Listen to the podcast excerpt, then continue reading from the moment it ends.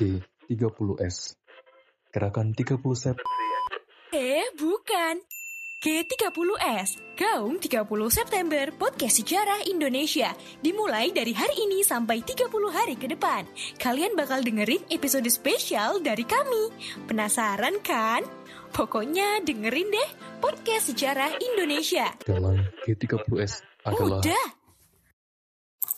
Padahal ya realitas tidak selalu berbanding lurus ya, banyak juga yang nol gitu. Oke baik, Assalamualaikum warahmatullahi wabarakatuh. Kembali lagi bersama saya Taufik di podcast Sejarah Indonesia. Dan pada kesempatan kali ini kita bertemu lagi di G30S Tahun 30 September Yang isinya adalah nanti mungkin 30 siniar Kalian akan mendengarkan episode spesial dari podcast Sejarah Indonesia. Tetap stay tune di sini. Terima kasih. Podcast Sejarah Indonesia sudah season 3 Dan kali ini saya nggak sendirian. Kali ini saya ditemani oleh guru saya. Ketuaan. Ya, ketuaan adalah Pak Andi Suryadi. Oke, sekarang ada Pak Andi Suryadi di depan saya. Gimana Pak kabarnya? Sehat Pak? Sehat lah, alhamdulillah. Gimana pandemi tetap ngajar atau gimana Pak? Ya online aja. Online aja. Kalau kampus tetap online gitu Pak? Kirain tetap masuk kayak gitu. Enggak lah, Kayak- bunuh diri masang. Belum saatnya. Meskipun saya senang kalau nggak online ya. Iya, Kalau Pak Andi kan datang kan bisnis saya lancar. Waduh, gitu ya. waduh. For your information guys, Pak Andi juga bisnismen, jadi bisnisnya itu tetap ngaruh ke mahasiswa juga. Mahasiswa sepi ya Pak ya, nggak belum berangkat ke sini ya Pak ya? Iya, kecil-kecilan lah biar mahasiswa teman-temanmu yang butuh kerja itu bisa tertampung lah ya. Luar biasa sekali, ini mulia banget Pak Andi beneran. Oh Ya. itu busuk. Jadi selama ini tuh berarti Pak Andi ngajar dari rumah aja, nggak nggak kampus kayak gitu, atau gimana? Dari rumah aja. Itu pun juga ya inilah menyesuaikan keadaan dan situasi lah. Hmm. Bagaimanapun juga kita harus mengingat orang tua itu sudah terbebani hidup di pandemi. Jangan membebani lagi dengan kuota. ya. eh, anak mahasiswa-mahasiswa tuh alasannya juga sama nggak sih Pak kuota gitu? Yes. Yes. Iya. Dan saya berusaha memahami itu karena ya itu realitas ya. Ah, ah, ah. Realitas juga. Saya juga punya anak-anak yang sekolah gitu. ya. Sisi lain juga kan menguntungkan saya juga gitu. Ah. Karena kuota juga Karena kan- juga dan waktu. Eh, eh, kebetulan memang siswa saya kan juga beberapa pembelajaran online juga itu bahkan satu bulan itu kadang cuma kita pertemuan 2 sampai tiga kali aja yang meet kayak gitu itu pun mereka sudah sangat terbebani apalagi kalau kuliah kan full nggak sih pak atau ada tugas yang lain Enggak, kan kalau kuliah memang ada fasilitas di luar. Hmm. Boleh pakai LMS yang di kalau di kampus itu namanya Elena. Elena Yes. bukan terlena Bukan, kalau terlena itu kamu kemarin. Sampai nikah itu karena terlena. oh, enggak dong Akan cintanya ya.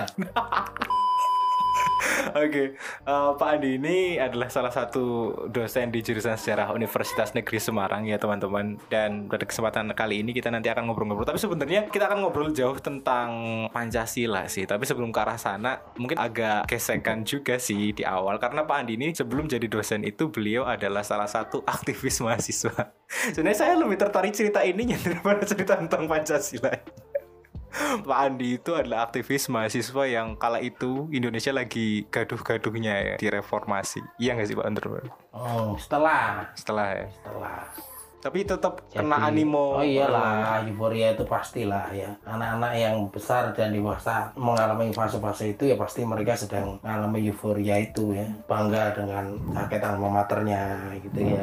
Merasa hebat dan besar ketika jadi aktivis dan sebagainya. Padahal ya realitas tidak selalu berbanding lurus ya. Banyak juga yang nol gitu. Ya kalau, kalau saya termasuk nol koma dikit lah ya. Ayo no ini. Kalau dulu nasakom ya Pak. Iya. Nasib satu koma.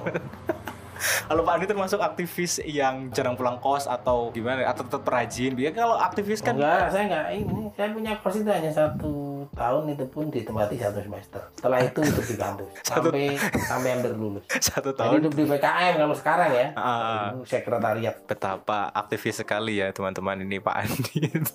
Kan Bukan itu karena hemat. Kalau sekarang hemat kuota, kalau dulu hemat biaya.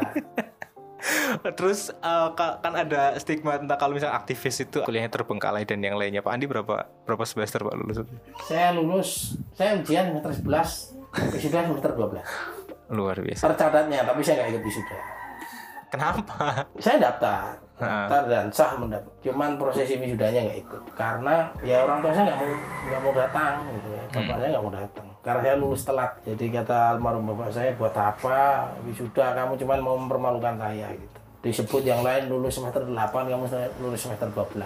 kan bikin malu aja Oh, tapi kan sekarang jadi dosen lagi ya gimana itu, ceritanya itu setelahnya kan itu setelahnya. adu pembuktian aja kemudian oh karena kata-kata itu jadi lebih tertantang gitu ya Pak, ya? Enggak itu udah sejak sebelumnya udah tertantang. Saya selalu berprinsip lulus tepat waktu itu tidak lebih penting daripada pada waktu yang tepat hmm, oh gitu oke berarti tapi kita bisa tahu waktu yang tepat atau tidak itu nggak ada kita cuma bisa berdoa saja Iya sih, bener-bener. Kayak beberapa teman-teman pun yang memang dia sudah aktivis kayak gitu juga beberapa ya lulusnya lama, tapi ya memang mereka langsung dapat pekerjaan sih. Ya memang bener sih waktu yang tepat itu jadi. iya tapi itu tidak berlaku untuk semua ya itu juga rahasia ilahi lah ya keberuntungan Oke lah. kita bisa ngomong gitu kalau ngalami kebetulan yang tepat tapi kalau terpuruk nggak bisa ngomong kayak gitu bener, bener, bener. Dan udah lewat terus kita sukses sama ya. iya bisa ngomong kayak gitu Tapi kalau misalkan kalau kan. gagal ya nggak bisa ngomong. mau pakai kata-kata mutiara juga orang nggak mau dengar gitu. Iya iya iya oke oke bener-bener. Eh, Pak Andi kan aktivis dulu nih. Sempat demo-demo kayak gitu nggak sih Pak? Iya sering. Saya nggak tahu di jejak tiga tahun ini mungkin masih ada ya. Hah. Yang paling diingat sampai sekarang itu ya kita pernah mau makan waktu itu demo. Selama satu minggu gitu mau koordinir mau makan. Itu dalam rangka acara lu. Eh, waktu itu tentang kenaikan BBM kemudian pada saat yang bersamaan ya BBM naik TDL tarif dasar listrik naik. Kemudian eh, di sisi lain ada apa ya waktu itu ya? Tentang apa pembebasan ini untuk konglomerat itu. Beban apa ya BLBI masih terkait BLBI kan udah agak lama ini 2003 ya. sehingga ya isunya itu kemudian kita waktu itu eh, bikin proteksi mahasiswa dengan beberapa mahasiswa fakultas teknik. Kemudian satu minggu eh, kemudian merumuskan kita masanya tidak banyak. Karena kita bukan orang BEM universitas ya. Sehingga pakai yang efektif aja tidak pakai banyak masa tapi beritanya bisa naik gitu ya. Ya pilih mogok makan dan bertahan di depan kantor gubernuran itu satu minggu. Jadi demo itu ada macam-macam ya bentuknya ya Pak. ada lah. Kan demo itu salah satu cara untuk menyampaikan pendapat. Hmm. menyampaikan aspirasi bisa dengan dialog bisa dengan diskusi kan bisa dengan tulisan bisa dengan unjuk rasa itu bisa juga dengan cara yang lain ya misal itu ada mogok makan ada juga kalau di Jawa kan topo pp itu Topo- berjemur berjemur. Oh gitu. Terus pas waktu itu mogok makan sampai berapa hari Pak? Seminggu. ya kalau aksinya satu minggu tapi yang ngalami itu saya nggak nggak ngalami mogok makannya Hmm. saya koordinator dan juru bicara aja gitu salah satu ya salah satu ada dua waktu itu juru bicara. Salah satunya adalah Mas Alkis sekarang menjadi anggota Panwaslu Kabupaten Semarang. Yang mogok makan teman-teman yang lain jadi waktu itu memang udah diatur siapa yang harus mogok makan siapa yang Hmm. bicara gitu kan. Yang bicara ya dipilih yang kira-kira lebih ini berkomunikasi gitu ya. Sehingga saya nggak dipilih mogok makan dan saya suka itu gitu ya. Pilihan yang tepat Padahal gitu dulu ya. Kurus kering gitu. Iya, pilihan yang tepat. gitu ya. Kalau saya yang kepilih mogok makan, barangkali saya juga nggak mau. Jadi ketika kebetulan dipilih, nggak usah, kamu jadi jubir aja ya. Saya alhamdulillah. Ya oke. Biar yang mogok makan, yang pada kaliran saya tetap makan. Bahkan saya ngecek mereka dengan makan durian di dekat mereka gitu. Ini gimana? Jadi mereka mau gue makan tapi Pak Andi ngajak makan tuh. Oke. Nah kalau misalkan teman-teman eh, pernah nggak sih Pak pengalaman kayak Pak Andi itu sampai yang crash, misalkan kayak sampai bentrok kayak gitu nggak sampai kali ya? Dengan siapa? Ya kan kalau biasanya demo itu kan ada yang Ya kan itu pilihan ya. Ya, demo crash itu dengan aparat lah, dengan misalnya dengan pihak security gedung yang jadi tempat kita demo, itu kan bisa ada dua macam. Yang pertama bisa itu karena insidental, ya. eskalasi naik, ada satu dua oknum baik di mahasiswa ataupun di security atau di aparat yang dia terpancing karena sama-sama masih muda barangkali, usia mahasiswa kan juga muda dan orang kan beragam ada yang emosional dan ada yang tidak. Kemudian ada satu dua yang terpancing kemudian mereka memprovokasi atau terprovokasi kan jadilah ribut semuanya. gitu. Tapi ada juga yang itu direncanakan. memang Dan yang direncanakan. merencanakan ya yang aksi. Kenapa harus begitu? Kalau nggak gitu beritanya datar-datar aja. Oh, makanya tadi dari awal dikonsep dulu gitu. Iya. Mau ngapain? Mau rusuh, mau bakar ban itu tidak semuanya insidental. Kalau udah bawa ban berarti udah siap-siap mau bakar-bakar. Oke. Apalagi udah bawa bensin tuh udah ada niat untuk bikin chaos. Karena otomatis akan memancang aparat untuk bertindak. Iya. ha-ha. menghalang, mencegah. Kalau itu kan nanti kemudian ujungnya akan adu pendapat, adu debat, kemudian bisa adu fisik. Nah setelah itu kan, kalau rame kan eh, TV juga senang kan, Ah, koran juga senang berita jadi naik, dan itu kemudian pesan jadi nyampe. Kalau datar-datar aja spot beritamu akan kecil ke sana nggak akan nyampe kadang pilihan begitu Sempet berarti timnya Pak Andi apa? Pak Andi dan aliansinya pernah masuk koran gara-gara itu. kita tidak memilih jalan itu tapi Hmm. ada kelompok lain yang begitu Ya, jadi analisa saja itu yang saya, saya sampaikan kalau saya kan milih jalan yang lapor-laporan itu tadi teman-teman Ya, sama beritanya masuk Sama beritanya masuk. Yang crash ribut kayak gitu nggak pernah berarti Pak Andi ya? Nggak pernah. saya tahu diri bahwasanya saya kecil kalau digebuk pasti nangis lari tunggang langgang ya. Karena zaman dulu kan. Itu, tapi itu ada banyak teman-teman saya yang begitu gitu ya. Jadi yang aliansi mahasiswa yang lain pada saat bersamaan mereka demo besar-besaran dengan ma- ma- terutama yang digalang BEM universitas ya. Itu dengan masa yang banyak ada yang begitu sampai kejar dikejar-kejar ada teman yang dikejar-kejar kemudian kesenggol dan keinjek kuda ada kayak kayak injek kuda. Dulu pengamannya pakai kuda. ada ya? yang pakai kuda Oh. ada yang pakai kuda Saya kira cuma itu di Inggris. eskalasi Saya kira cuma di Inggris. eskalasi. Tapi saya nggak memilih jalan itu selama beberapa kali aksi, memilih jalan lain. Dan itu beritanya malah bertahan satu minggu loh itu. Koran-koran di TV, jadi sering di televisi masuk tiap jam-jam berita itu. Sampai kemudian ada ke hari keempat atau kelima, Hmm. ada teman itu yang sudah disarankan oleh dokter yang visit Hmm. posko yang mau makan. Iya ya. Dokter itu dari kepolisian, dokter itu dari DPRD Jateng tempat kita waktu itu. Ke itunya, ke tendanya Iya, gitu ya. mereka datang kan ada anggota DPRD yang juga dokter. Periksa kemudian kasih saran ini udah nggak kuat nggak bisa diteruskan harus rawat di rumah sakit. Tapi mereka tetap ngotot untuk tidak gitu ya karena itu berarti kalah kan gitu. Hmm. Nggak mau menyerah. Iya. Tapi kemudian dipikirkan setelah hari keempat kelima ini kalau begini-begini terus nggak ada yang masuk rumah sakit malah nggak bagus. Hmm. Satu kesannya akan settingan bahwasanya masa iya sih semua orang ini kuat sekian hari gitu. Iya. Ah, pasti ada sesuatu atau ada yang tidak normal misalnya diam-diam makan atau begitu.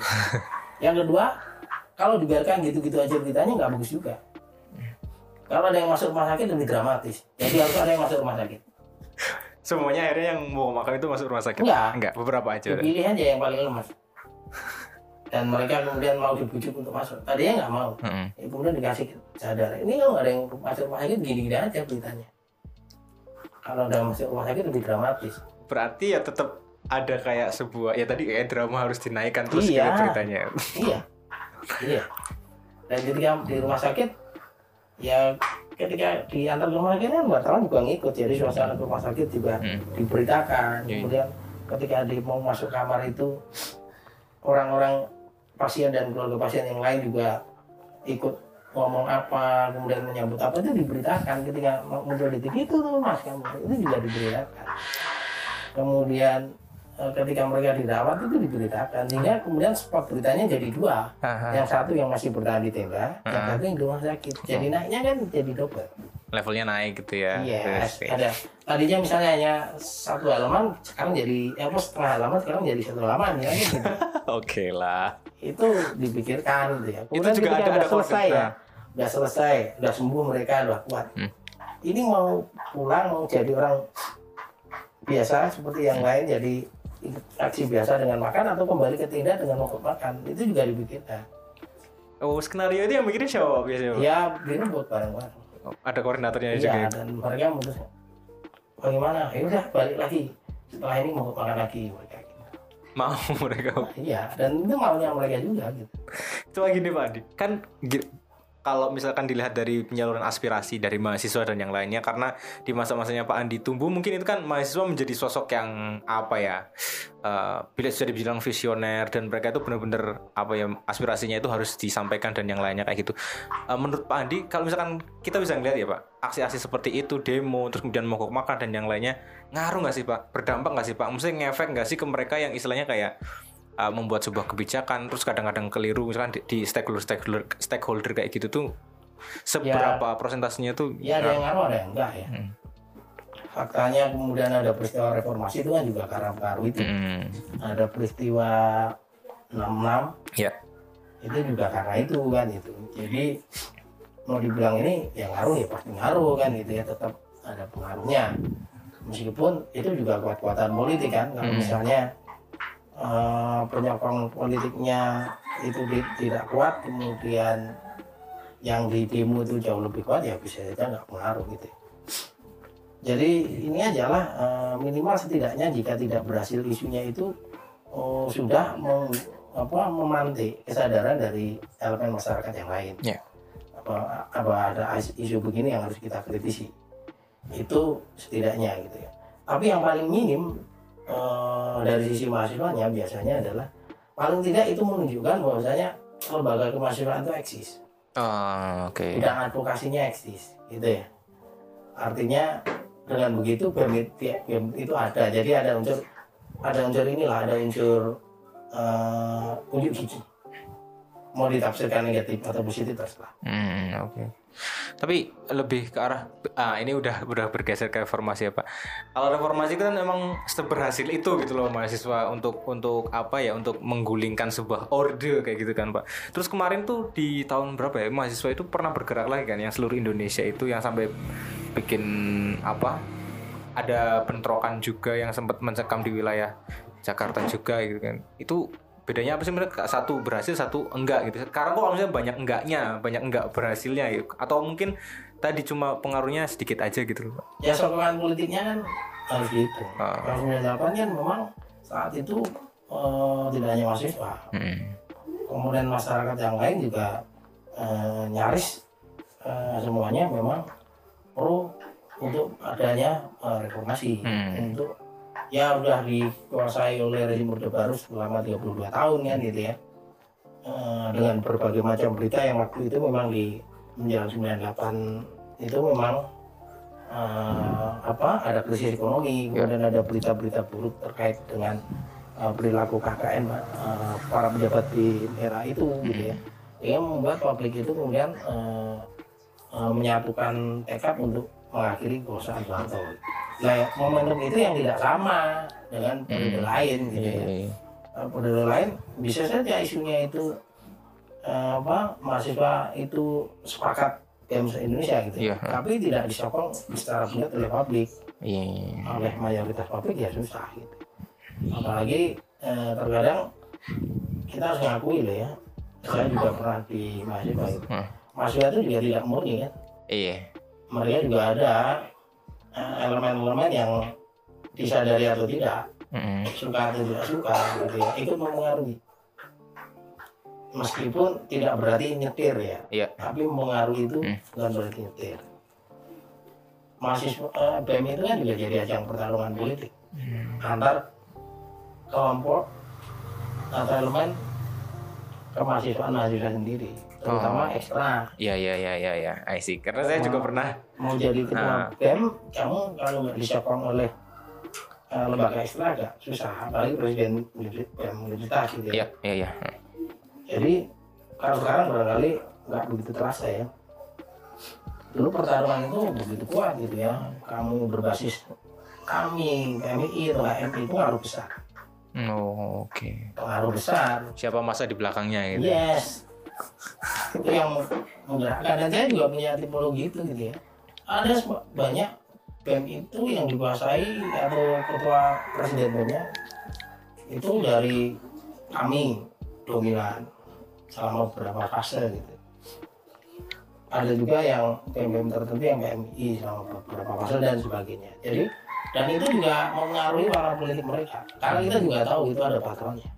Oh. Kalau kami itu sebagian besar patron patronnya senior seniornya sekarang ada di partai apa gitu ya sering bersinggungan dengan partai apa itu juga kan ikut membangun Ya, ya, ya. pola pikir dan ini ya pola kajian kemudian yang PMI mereka patronnya ke mana kan gitu dan sebagainya ya jadi tidak hanya dua itu itu juga. Hmm. Oke berarti berarti kita bisa apa bisa kayak ngambil benang merahnya bahwa siapa pun yang ada di balik aktivis-aktivis mahasiswa juga berpengaruh juga terhadap penyampaian aspirasi-aspirasi mereka gitu ya. Pak, ya? Iya, bisa berpengaruh pada diri mereka. Hmm. Ya, kemudian kan kemudian ada interaksi ya, ada dialektika, ada diskusi di antara mereka. Ya, bisa saja kemudian yang presiden BEM-nya dari ekstra A, kemudian anggotanya ada yang B, ya kemudian mereka ada diskusi dan di situ barangkali ada titik temu yang Ya. jauh lebih netral. Iya iya Tapi iya. kalau ada satu pas, eh, lembaga kemahasiswaan yang dominan, sangat didominasi oleh salah satu elemen kemahasiswaan, ya biasanya itu warna pengaruh dari patronnya itu akan sangat terlihat. Oke. Jadi kebijakan Ah, eh, LK lembaga keuangan A akan cenderung segaris dengan kebijakan patronnya. patronnya ah sih sih oke jadi bisa oke deh itu tadi gimana sedikit kan tadi kita nyinggung tentang reformasi pak. Andi zamanin reformasi. Saya SMA. SMA kena dampak apa pak? Libur ya SMA Saya kan SMA di Jakarta, ya. eh, di Jakarta. ah ini ini nih. dampak kena itu banget dong. Misalnya kayak Jadi dampaknya banget. waktu kurusan itu kita udah habis ujian, seminggu setelah ujian nasional. ah. Jadi sekolah memang sudah apa sudah ini ya tidak mengikat lagi. Hmm. Tapi alami itu waktu itu pas kerusuhan yang tanggal 12 atau 13 Nanti 12, 13, 14 gitu ya kayaknya. Nah, tugas sekolah saya itu kan dekat dengan kampus UIN Sahid, Sahid, Sarif Hidayatullah, Jakarta, iya. Hmm.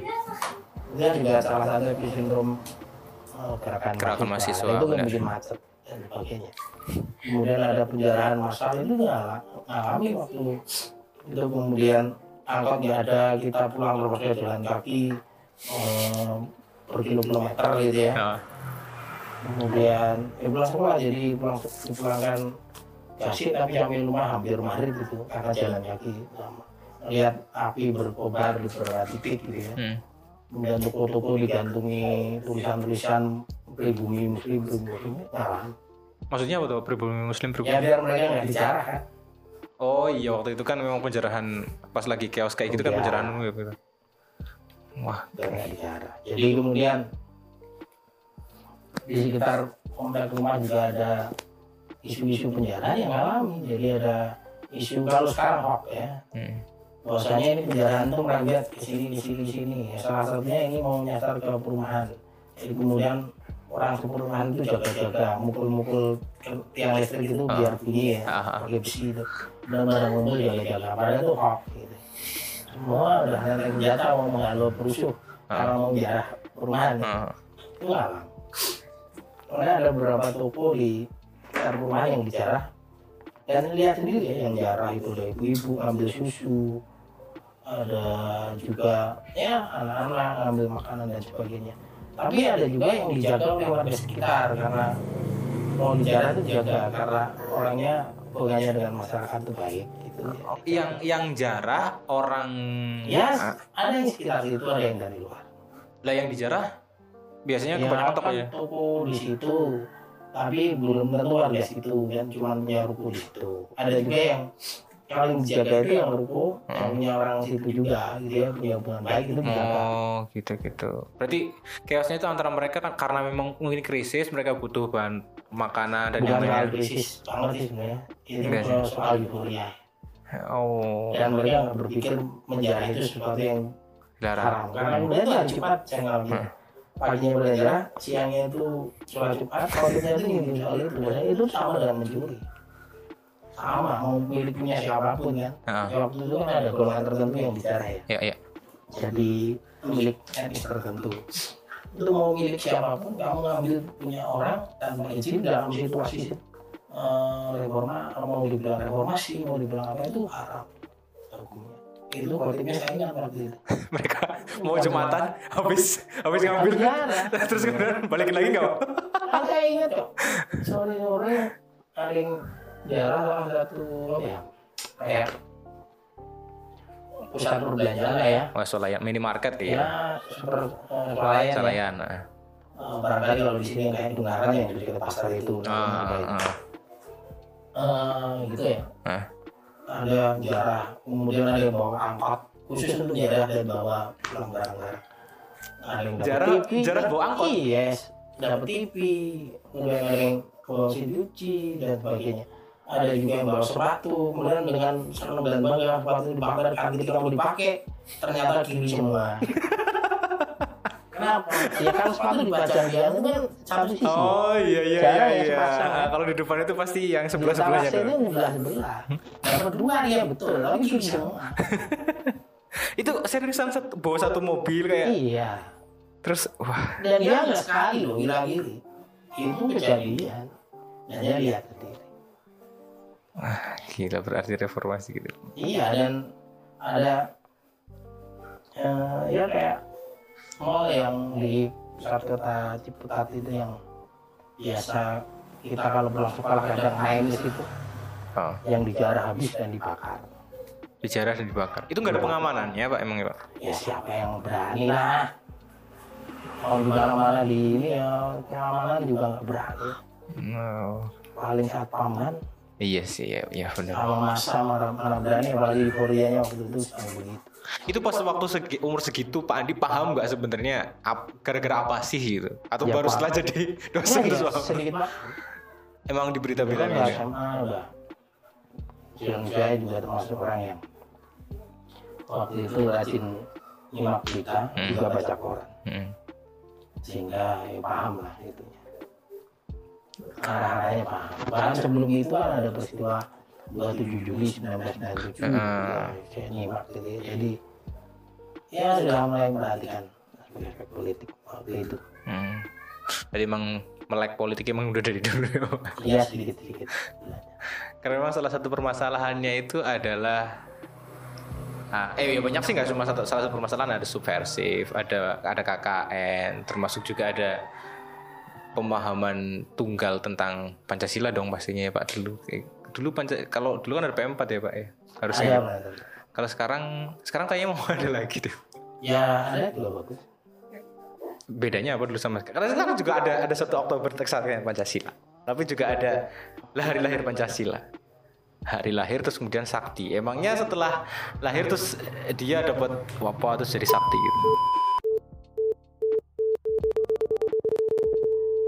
Kasih.